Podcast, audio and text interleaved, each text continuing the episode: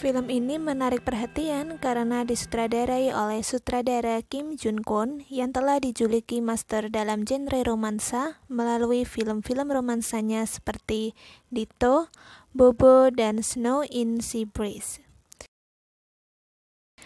Are We in Love menceritakan tentang So Jung yang bekerja di kafe Sung Jae. Jadi, Sojung adalah gadis yang kurang beruntung karena ia harus merawat ibunya yang janda juga menderita penyakit demensia.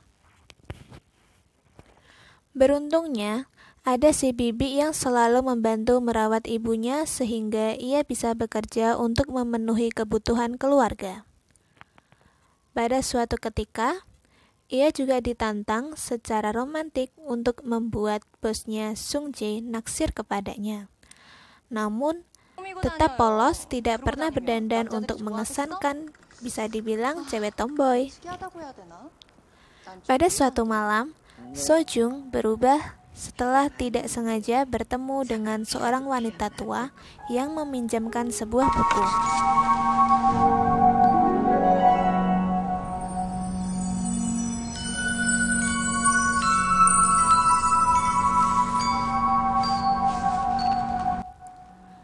Peristiwa ini mengarah ke rantai peristiwa tak terduga yang membuat Jung menjadi wanita yang matang. Setelah ia mendapatkan buku misterius itu, hidupnya mulai berubah. Banyak sekali pria yang mendekatinya, mulai dari tetangga barunya, seorang pria serta pelanggan kafe melakukan hal yang sama, yaitu memberikan sebuah ID card. Serta para pria tersebut minta nomor teleponnya. 느낌 있었어.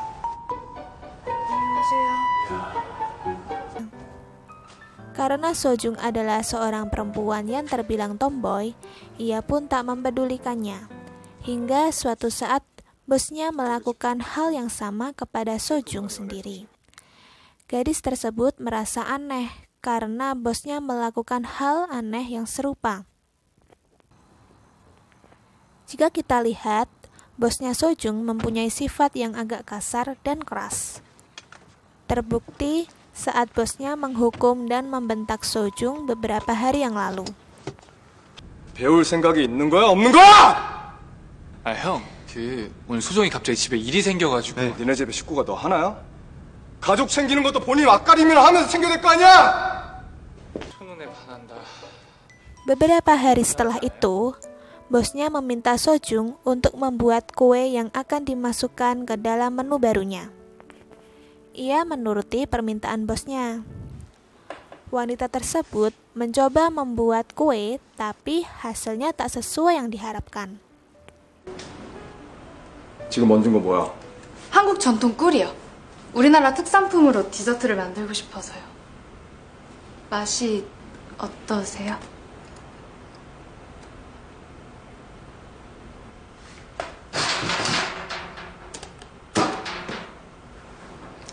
써.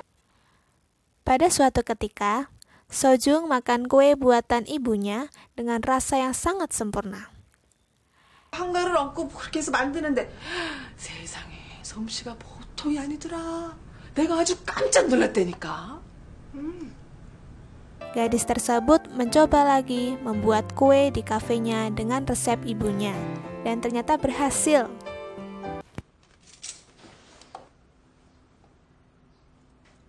맛있네. 그러네. Saat siang hari, Sojung mengantarkan makan siangnya ke ruangan bosnya. Tepat di depan ruangan, ia dikejutkan oleh kemesraan antara bosnya bersama Ana. Sojung putar balik tak jadi mengantarkan makanannya. Mulai dari sinilah terjadinya benih cinta. 나도 할 거야. 저- Sebelum pulang, bosnya mengajak semua karyawannya untuk makan malam bersama di luar. Dan ia makan malam bersama-sama. Tapi semua karyawannya terlalu berlebihan mengonsumsi miras sehingga Sojung diantar pulang oleh bosnya. Saat di mobil, Sojung setengah sadar. Ia mengambil sebuah foto di depannya dan dipeluknya foto tersebut.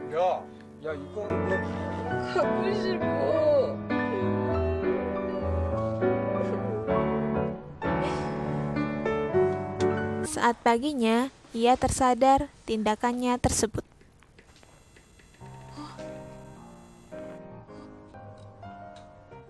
Hari berikutnya, Sojung bekerja seperti biasanya. Saat jam makan siang, ia mengantarkan makan siangnya ke ruang bosnya. Tepat di depan pintu, ia tak sengaja mendengar bahwa Anna akan pergi ke Amerika untuk melakukan studi. 너 동네인 줄 알겠다. 아 왜? 그냥 아무 말도 하지 말고 휙 가버리지 그랬어. Saat malamnya, sebelum pulang, bosnya memberikan tumpangan untuk pulang. 너 어제로 나한테 뭐 할 말 없냐? 어제 이거 나 야, 갖고 싶어.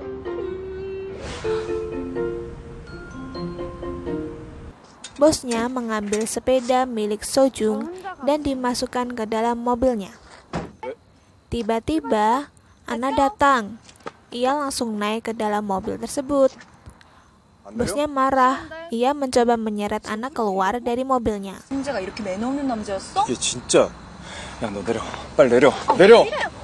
Tapi Sojung menghentikan aksi bosnya tersebut. Lalu Sojung memutuskan pulang dengan jalan kaki karena sepedanya ada di dalam mobil.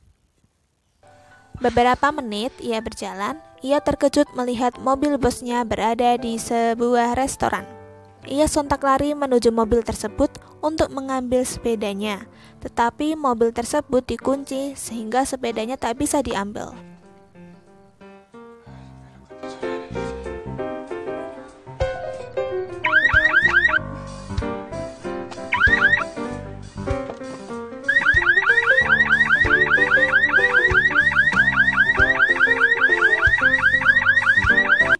Sesampainya di rumah, Sojung membaca buku. Buku tersebut tak lama kemudian ia tertidur. Saat Sojung tidur, dan sangat nyenyak, tiba-tiba ia dikagetkan dengan suara ketokan pintu rumahnya. Ia pun melihat jam menunjukkan pukul 2.30 pagi. Saat dibuka pintu rumahnya, ia dikejutkan oleh sesosok pria asing bersama bosnya. Orang asing tersebut yang punya kedai, ia menagih kepada bosnya. Tapi bosnya tidak membayar karena ia tak membawa uang di dompetnya. Orang asing tersebut minta kepada Sojung untuk membayarnya dan akhirnya Sojung pun membayarnya.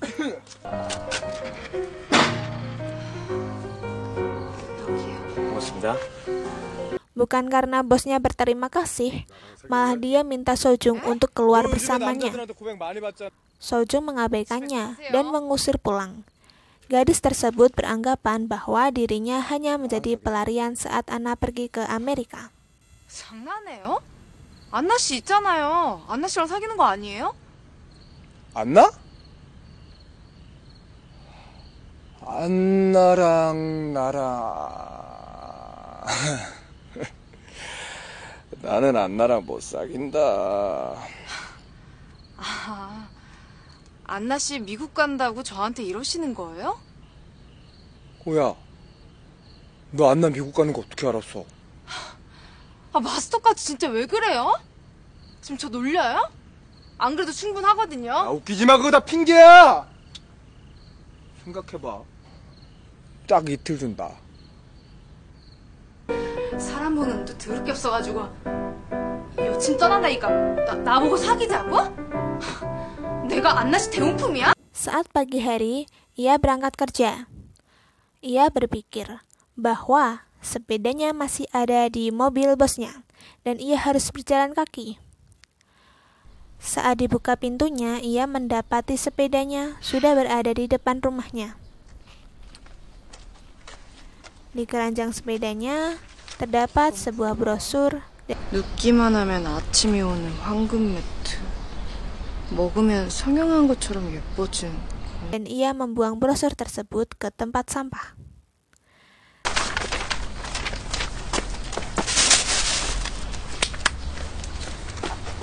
Saat di perjalanan, ia mendapati bahwa pria-pria yang dulu minta nomor teleponnya ternyata sudah mempunyai pacar.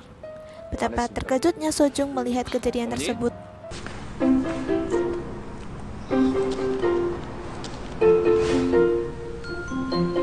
어때요?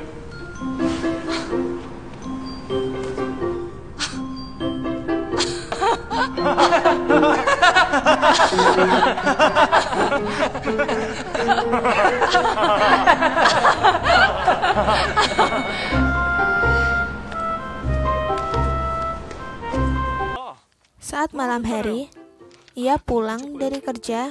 Ia dikejutkan oleh dua orang asing karena meributkan brosur yang dibuangnya. Dua orang asing tersebut meminta ganti rugi dengan cara membeli produknya. Tak lama kemudian, bosnya datang. Bosnya menyuruh Sojung masuk mobil. Setelah masuk mobil, terjadilah perkelahian antara pria. Perkelahian tersebut berakhir saat di dalam mobil, Sojung bertanya kepada bosnya, kenapa harus datang ke rumahnya? Dan ia baru sadar, ternyata dulu bosnya pernah meminta Sojung untuk keluar bareng.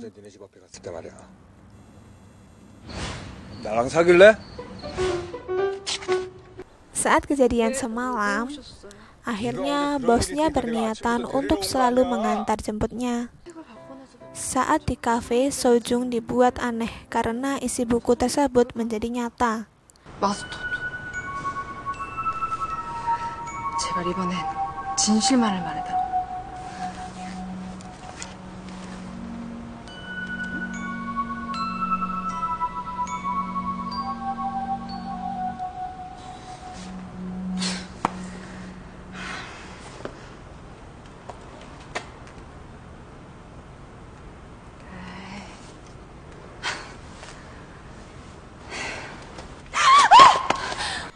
Ia pun pergi ke dapur untuk membuat makanan.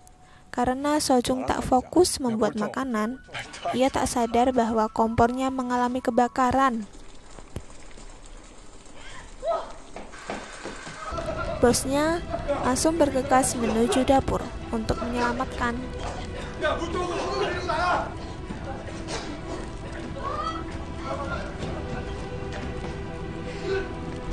Tapi bosnya pingsan di dapur tersebut, langsung dibawa ke rumah sakit ditemani olehnya.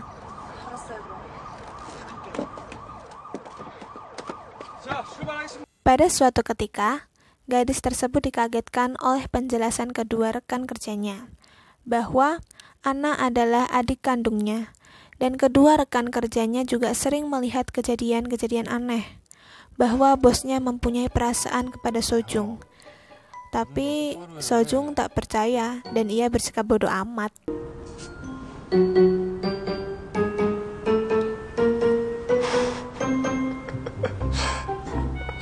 형, 지금 웃는 거야?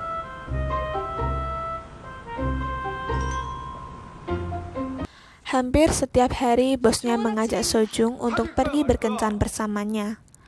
Tak lama kemudian, Ana merekomendasikan Sojung melakukan pelatihan pergi ke Jepang. Beberapa hari setelah itu, pihak dari Jepang datang dan Sojung membuatkan roti buatannya. Dan ternyata pihak Jepang tersebut menerima bahwa Sojung lolos untuk pergi ke Jepang. Tetapi Sojung tak mengambil kesempatan itu 全部うまくいかしたんですねそうですか。 アンナさんの評価が間違いないですねありがとうございます。留学教科書です Ia lebih memilih menjaga ibunya. Karena Sojung tak mau mengambil kesempatan ini, akhirnya bosnya mengambil alih untuk pergi ke Jepang. Saat siang hari, Sojung ditelepon oleh bibinya bahwa ibunya hilang di rumah sakit. Ia pun bergegas ke rumah sakit untuk mencarinya. 내 잘못. Sojung mencari ke sana kemari dan akhirnya ia merasa lelah dan ia memutuskan kembali lagi ke kafe. Ternyata di kafe tersebut terdapatlah ibunya.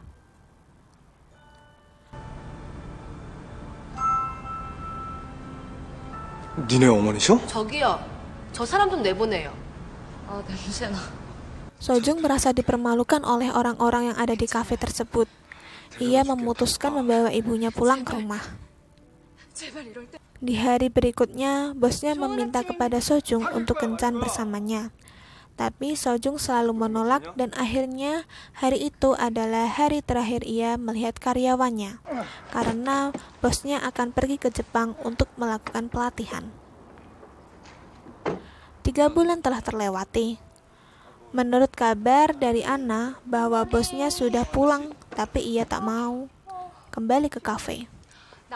Sojung beranggapan bahwa bosnya tak mau ke kafe karena ulah dirinya yang selalu menolak permintaan.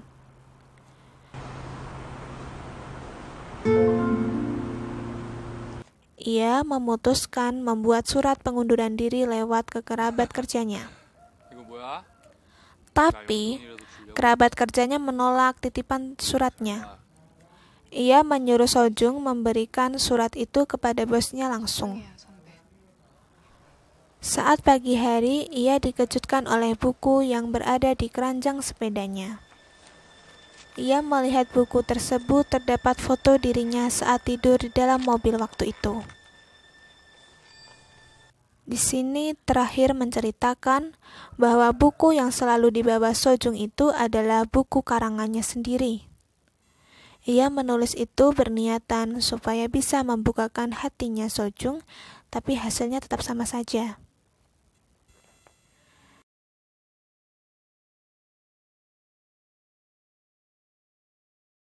Di hari berikutnya, Sojung menemui bosnya di kafe. Dan tamat.